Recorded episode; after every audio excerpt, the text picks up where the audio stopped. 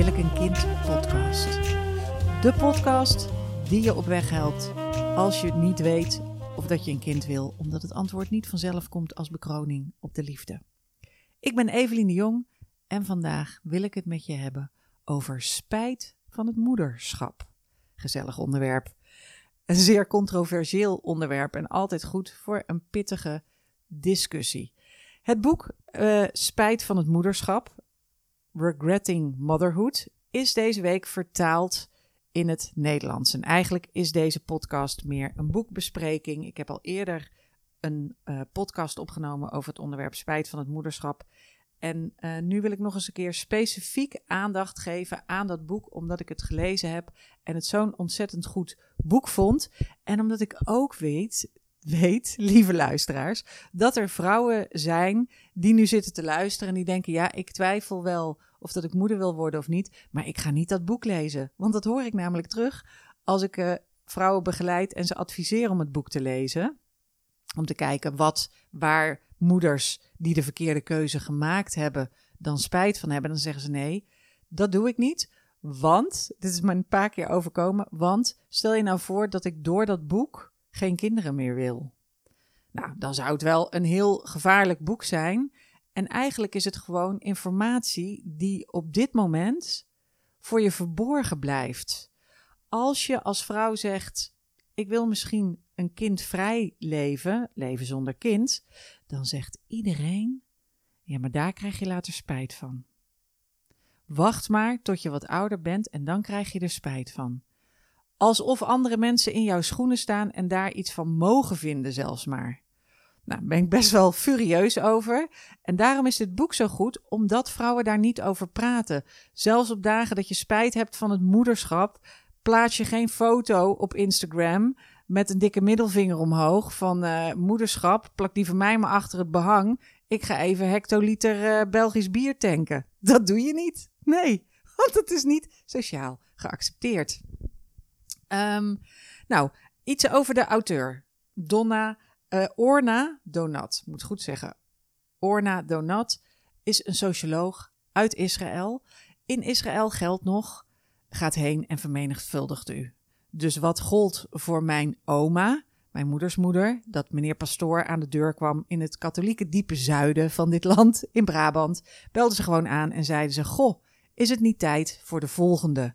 Nou, dat gebeurt in Israël nog steeds. Je bent een vrouw, dan is het jouw taak om het volk uh, te vergroten, te vermenigvuldigen. En die, de, de spijt wordt dus ingezet als een argument, als een soort dooddoener voor vrouwen die overwegen om te kiezen voor een leven zonder kind. Wat echt um, op, op meerdere niveaus verschrikkelijk is. Ik heb hierover, over dit boek, al lang geleden een keer op Facebook gepost. En toen werd ik verrast door. Ik zit natuurlijk, hè, de sociale media, we weten allemaal, je creëert een soort bubbel. Ik zit dus in een linkse progressieve bubbel.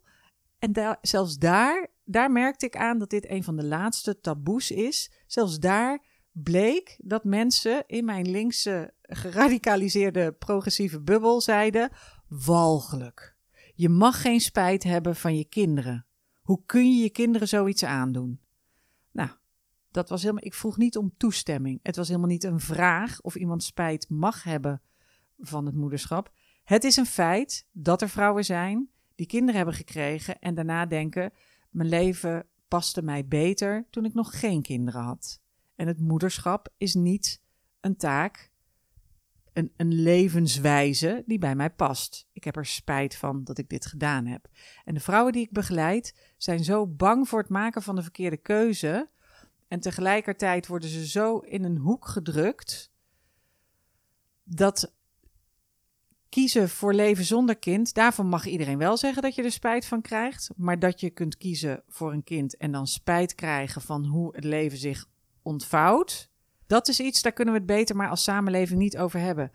En um, uh, de socioloog Donat wilde zelf geen kinderen. En toen ze dat mededeelde, bleek dat daar helemaal geen ruimte voor is. Dus dat, dat dat iedereen tegen haar zei: maar daar krijg je spijt van. Behalve de eigen familie. Binnen de eigen familie, in je directe naaste kring, kan het zijn dat mensen zeggen: we respecteren je keuze. En als dit is hoe jij kiest om te leven, dan uh, steunen we dat. Maar daaromheen zegt iedereen: dat, dit, is, dit is onbestaanbaar. Het is onbestaanbaar dat jij als vrouw ervoor kiest om geen kind te krijgen. En um, dat maakt dat vrouwen die twijfelen niet de vrijheid hebben en de ruimte hebben om een weloverwogen, geïnformeerde beslissing te maken, gebaseerd op de, op de, de informatie die er is. En zij zegt zelf in een interview in NRC, zegt uh, Donat, ik denk, ik denk dat vrouwen niet in vrijheid kunnen beslissen of ze moeder willen worden als ze geen zicht hebben op de complexiteit van deze realiteit. En zegt ze, de verhalen van moeders met spijt gaan over meer dan alleen de constatering dat het bestaat. Er zit een sociale en een politieke kant aan dit verhaal. En dat uh, heeft mij als cultuurwetenschapper uh, ook enorm verbaasd over hoe wij in de samenleving nog steeds vrouwen als moeder in één. In één um, ik, ik, ik vind het zo verwarrend dat ik er zelfs niet goed in mijn woorden over uitkomt. Dat vrouwen zijn moeders. Dus dat is onder andere uh, dat. En omdat ik heel lang niet heb geweten hoe mijn clitoris eruit zag. En daar toen pas heel laat achter kwam. Uh, dat bijvoorbeeld zo'n hoofdredacteur van biologieboeken op middelbare scholen zegt: nee, we hoeven niet de hele clitoris af te beelden. Want als we dat zouden doen, dan zit hij in de weg van de baarmoeder. En dat is natuurlijk de essentie van de vrouw. Dat je dit meegeeft aan alle Nederlandse kinderen op middelbare scholen. Nou, sorry, maar eh, ik kan me voorstellen dat je naar deze podcast zit te luisteren en omvalt. Dat je denkt: is dit 2022 in Nederland? Ja afgelopen schooljaar, dus dit is dan het tweede jaar, maar afgelopen schooljaar hebben ze voor het eerst de clitoris in haar volledigheid afgebeeld. En daarvoor deden ze dat niet. En toen ze het afgelopen schooljaar erover hadden, was dat letterlijk het commentaar van de redacteur van dat boek. Die zei van ja, maar de baarmoeder, dat is waar het om gaat. Het gaat niet om het orgaan waar ze mee kunnen klaarkomen. Want wat hebben we aan vrouwen die klaarkomen? Wat wat dient daar? Wat heeft dat voor nut voor de samenleving? Nou ja, goed, even een zijpadje. Als ik de, clitoris ergens in kan fietsen, dan zal ik het niet laten. Maar goed, um, er moet dus ruimte gemaakt worden voor vrouwen om te kunnen zeggen: moederschap, ik laat dit kopje thee aan me voorbij gaan. Ik heb hier geen zin in. En de vrijheid om echt zelf dat besluit te kunnen maken, dat zegt Donat, zou wel eens een bedreiging kunnen zijn voor een samenleving die al eeuwen afhankelijk is van vrouwen die moeder worden zonder zich daar al te veel vragen over te stellen. Dus al dat konijnenoortjes wijvengezeik over vrouwen en het huishouden en over de gelijke verdeling van huishoudelijke taken en over het uh, opvoeden van kinderen en over gratis kinderopvang. Al dat wijvengezeik als vrouwen daardoor besluiten. Ik, ik, ik, ik ga dat niet doen, want ik wil op een andere manier mijn leven leiden. Ik ga er op een andere manier invulling aan geven. Dan verandert dat de samenleving zo fundamenteel dat het een enorme bedreiging zou kunnen zijn voor heel veel dingen. Ik heb ooit een, uh, een blog gevolgd bij uh, de studie Cultuurwetenschappen te Maastricht. En dat ging over de social shaping of technology. Over hoe techniek sociaal vormgegeven wordt. En daar lieten ze zien dat ze uh, een futuristische science fiction keuken hadden bedacht bij Philips. En daar gebeurden hele rare dingen in. Dus uh, ze hadden bijvoorbeeld toen al een soort magnetron gezien en stofzuigerrobots en allemaal dingen die pas veel later ontworpen uh, zijn.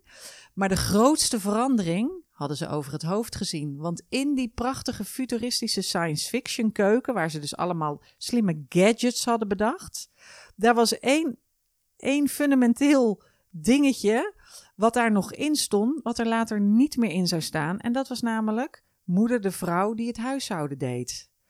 En daaraan zie je dat dat is toch uh, ja, het patriarchaat. We kunnen het niet anders. Ik zou willen dat het leuker was, maar het is niet leuker. Dat is toch dat er mannen aan de knoppen zitten te draaien en denken: oh ja, we gaan allerlei techniek bedenken en dan wordt de keuken een hele futuristische keuken. Maar wel met de vrouw erin, die een gestoomde kip uit de magnetron trekt. In een mooie jurk. het is hilarisch om die reclame te zien, omdat we allemaal weten dat vrouwen helemaal geen zin meer hebben om in de keuken te staan. En dat je uiteindelijk flitsbezorgers krijgt en, uh, en, en allerlei andere diensten van mensen die voor een habbekrats door de stad heen moeten racen, omdat iemand nog op tijd het eten op tafel moet krijgen.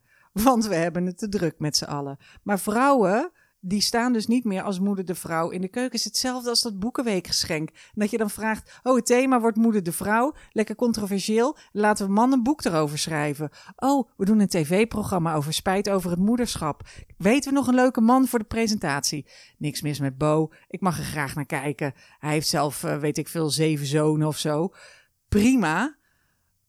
Maar um, het had iets beter gekund. We hebben nog een lange weg te gaan, laat ik dat zeggen. Maar goed, als we eerlijk zijn over spijt van het moederschap, dan betekent dat dus ook dat vrouwen zouden moeten kunnen kiezen om te leven zonder kind. En dat gebeurt al veel meer dan voorheen. Maar, maar echt een. Uh, ik, ik ben, zit verlegen om woorden, omdat ik, ik weet niet of dat ik het woord objectief wil gebruiken of neutraal of, of uh, vrij. Dat kan, dat kan ook niet in deze. Het is een persoonlijke keuze. Maar de informatie om die keuze te maken is moeilijk voorhanden. En we zijn zo geïndoctrineerd dat zelfs hele slimme vrouwen die er heel veel over nadenken, die bij mij aankloppen, met wie ik in gesprek ben, uh, uh, die daar werk van maken, niet het boek durven lezen, spijt van het moederschap. En het is een rete goed boek, want daar ging ik het over hebben, mensen. Het is een rete goed boek. Allereerst is het belangrijk om zorgvuldig te formuleren. Want toen ik erover post een aantal jaar terug en nog steeds op sociale media, is er een reactie: spijt van het moederschap. Gadverdamme, spijt van je kinderen. Walgelijk. Hoe traumatisch moet dit wel niet zijn voor die kinderen als hun moeder spijt van hen heeft? Terwijl dat is niet wat er wordt gezegd. En dat is ook niet wat die vrouwen zeggen.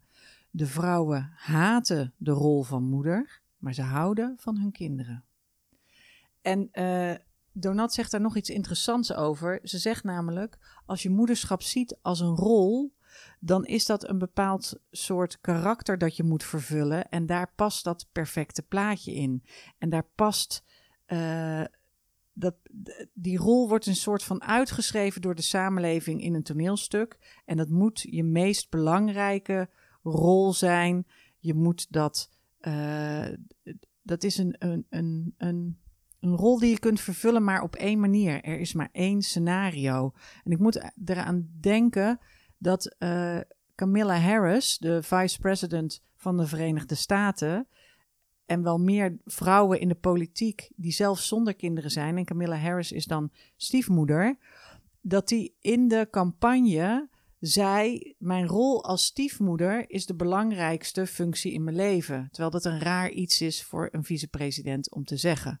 Het is al heel bijzonder dat een stiefmoeder kan gekozen worden tot vicepresident, omdat ze eigenlijk hè, de evil stepmom betekent dat je niet echt als echte moeder, maar als stiefmoeder. Dat is ook zo'n rol waar we mensen induwen. Het is ook fascinerend als je kijkt naar al die Disney-sprookjes, dat uh, als moeders. Stiefmoeders zijn evil en de moeders die ze vervangen hebben, die zijn allemaal dood. Dus moeders zijn heilig en dan gaan ze dood en dan kan niemand hun plaats innemen. En dit is een soort meta-verhaal, een rol waar vrouwen ingeduwd worden, waarvan je van tevoren al weet, nou ja, epic veel, want ik ga het niet altijd vol kunnen houden.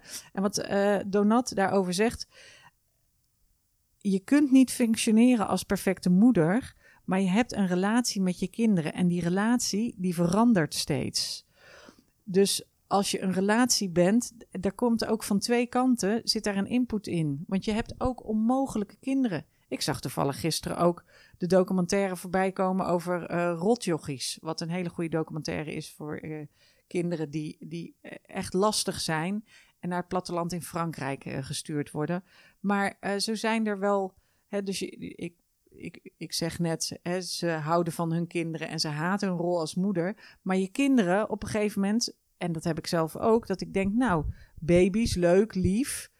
Peuters, kleuters. Ik dacht dat ik dat enig zou vinden. Ik had gerekend buiten, buiten de pitch waarop kleine kinderen praten. Die hebben toch een hoge toon dat ik herhaaldelijk gedacht heb: jeetje, doe normaal. Kun je niet met een normaal, gewoon met een normaal timbre in je stem praten? Maar nee, ze gaan heel de tijd zo. Nou, dat heeft dus ervoor gezorgd dat ik geen kleuterjuf ben geworden, want ik kan gewoon, het piept. Het piept in je oor. Uh, even terug naar, de, naar, het, naar het onderwerp. Het is een menselijke relatie. Het is geen heilige positie. Je hoeft het niet perfect te doen. Je hebt er baaldagen bij. Je hebt er. Uh, en, en het kan een rol. Het, het kan een. Die relatie kan je passen of hij kan je beknellen. En je, je kunt er zelf voor kiezen. En er komen taken bij. En dat takenpakket dat de samenleving je oplegt, is niet mals. En het is. Um, het is het is onbewust en, en op een soort kruiperige, valse manier. En het maakt dus dat je zelfs als je twijfelt, bang bent om dit boek te lezen. Terwijl het een boek is wat je toch zou moeten uh, lezen. Maar als je dus het beschouwt als een relatie, dan is er dus ruimte voor die ambivalentie. Dan is er ruimte voor tegenstrijdige gevoelens. En er is ruimte voor groei. Die relatie ontwikkelt zich. Dat wou ik net zeggen. Ik zit dus helemaal niet te wachten op de puberteit. Misschien omdat mijn moeder wel eens gezegd heeft dat ik zelf een pittige puber was. Alhoewel het reuze meeviel. Ik ben nooit aan de drugs geraakt. Klop het even af. Um, uh, pas op latere leeftijd misschien een jointje gerookt. Maar verder valt het wel mee. Um, en zo herken ik ook vrouwen die tegen een bepaalde fase van kinderen op, daartegen opkijken. Hoe noem je dat? Niet te tegen opkijken, er tegen opzien. Dus er geen zin in hebben. Ik ken iemand die zei: Ik wil absoluut, ik heb niks met baby's. Ik heb niks met het hele zwanger zijn en het bevallen. Maar als een kind eenmaal kan lezen en schrijven en het gaat zich dan ontwikkelen, dat lijkt me geweldig.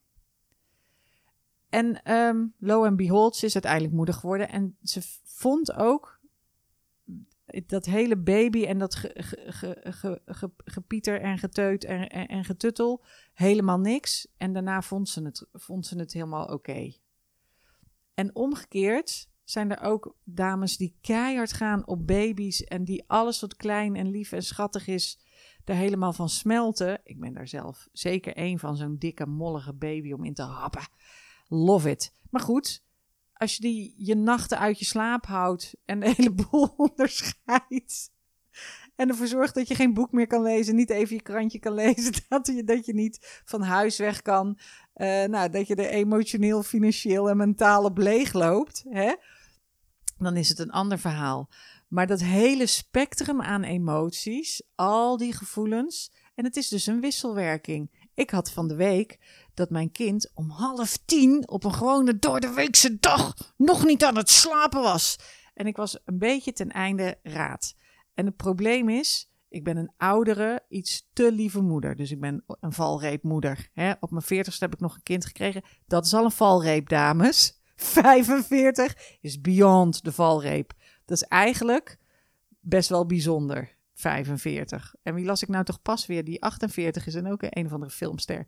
Maar goed, ik ben een oudere moeder en ik ben veel te gemakkelijk met mijn kind. En ik lag dus in bed en ik had dus al om kwart voor negen gezegd en nou is het klaar. En om negen uur, nu eh, licht uit, stil liggen, slapen. En toen ze om half tien weer een keer begon te krijgen, nee, ik kan niet slapen.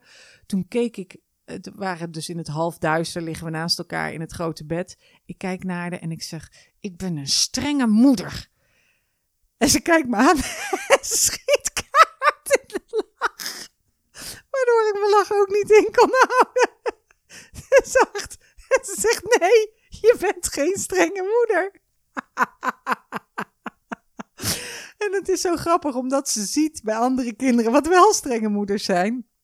En dat het het lukt mij helemaal niet om een strenge moeder te zijn. En ik geef altijd commentaar. Mama, ik weet niet of je luistert naar deze podcast, maar ik geef altijd commentaar op mijn moeder dat ze geen grenzen stelt en dat ze veel te lief is. Nou, Ik heb dus om half tien s'avonds vernomen dat ik net mijn moeder ben. Is ook zo wat. Maar die relatie, die relatie, dat je diepe liefde voelt, maar ook dat je wel kunt ontploffen omdat ze het bloed onder je nagels vandaan halen. Ik heb geen behang, maar ik zou er toch achter het behang kunnen plakken. Nou ja, goed hè. Dus dat, maar dat is de relatie die je hebt met je kind en je weet niet hoe die zich ontwikkelt. Er zitten verschillende fases in. Ehm, dat hangt ook van het karakter van je kind af. Sommige dingen kunnen daarin heel moeilijk zijn. En ehm, het, is, het is heel moeilijk. Kijk, spijt van het moederschap betekent eigenlijk een spijt dat je terug zou willen gaan in de tijd en daar dingen veranderen. En dat kan niet. En al helemaal niet van je kinderen. Uh, en of dat je met je kinderen hierover moet praten. Een van de oefeningen die ik doe met vrouwen is dat ik ze laat nadenken over hoe zij denken. Dus niet nou naar je eigen moeder gaan rennen en zeggen hoe was het voor jou, maar over hoe, wat hen ervaring is dat hun eigen moeder van het moederschap vond. Dus hoe, en dat, kijk, wat, wat je nu ziet is dat 40% van de mensen gaat scheiden. 39,6% En er is vast nog 10% die had beter uit elkaar kunnen gaan. Maar um, kinderen die maken dat mee. En die, dan voel je je schuldig als ouder. Dat kan niet anders. En kinderen voelen dat ouders zich schuldig voelen. Ze voelen ook wanneer mensen gestrest zijn, of wanneer ze geldzorgen hebben, of wanneer ze elkaar niet meer zo leuk vinden, of wanneer er ruzie is binnen het gezin. Iedereen pikt alles op. Maar het zijn allemaal intermenselijke relaties. En de moeder hoeft het niet beter te doen dan de andere. De kinderen mogen ook wel een keer luisteren. Nee.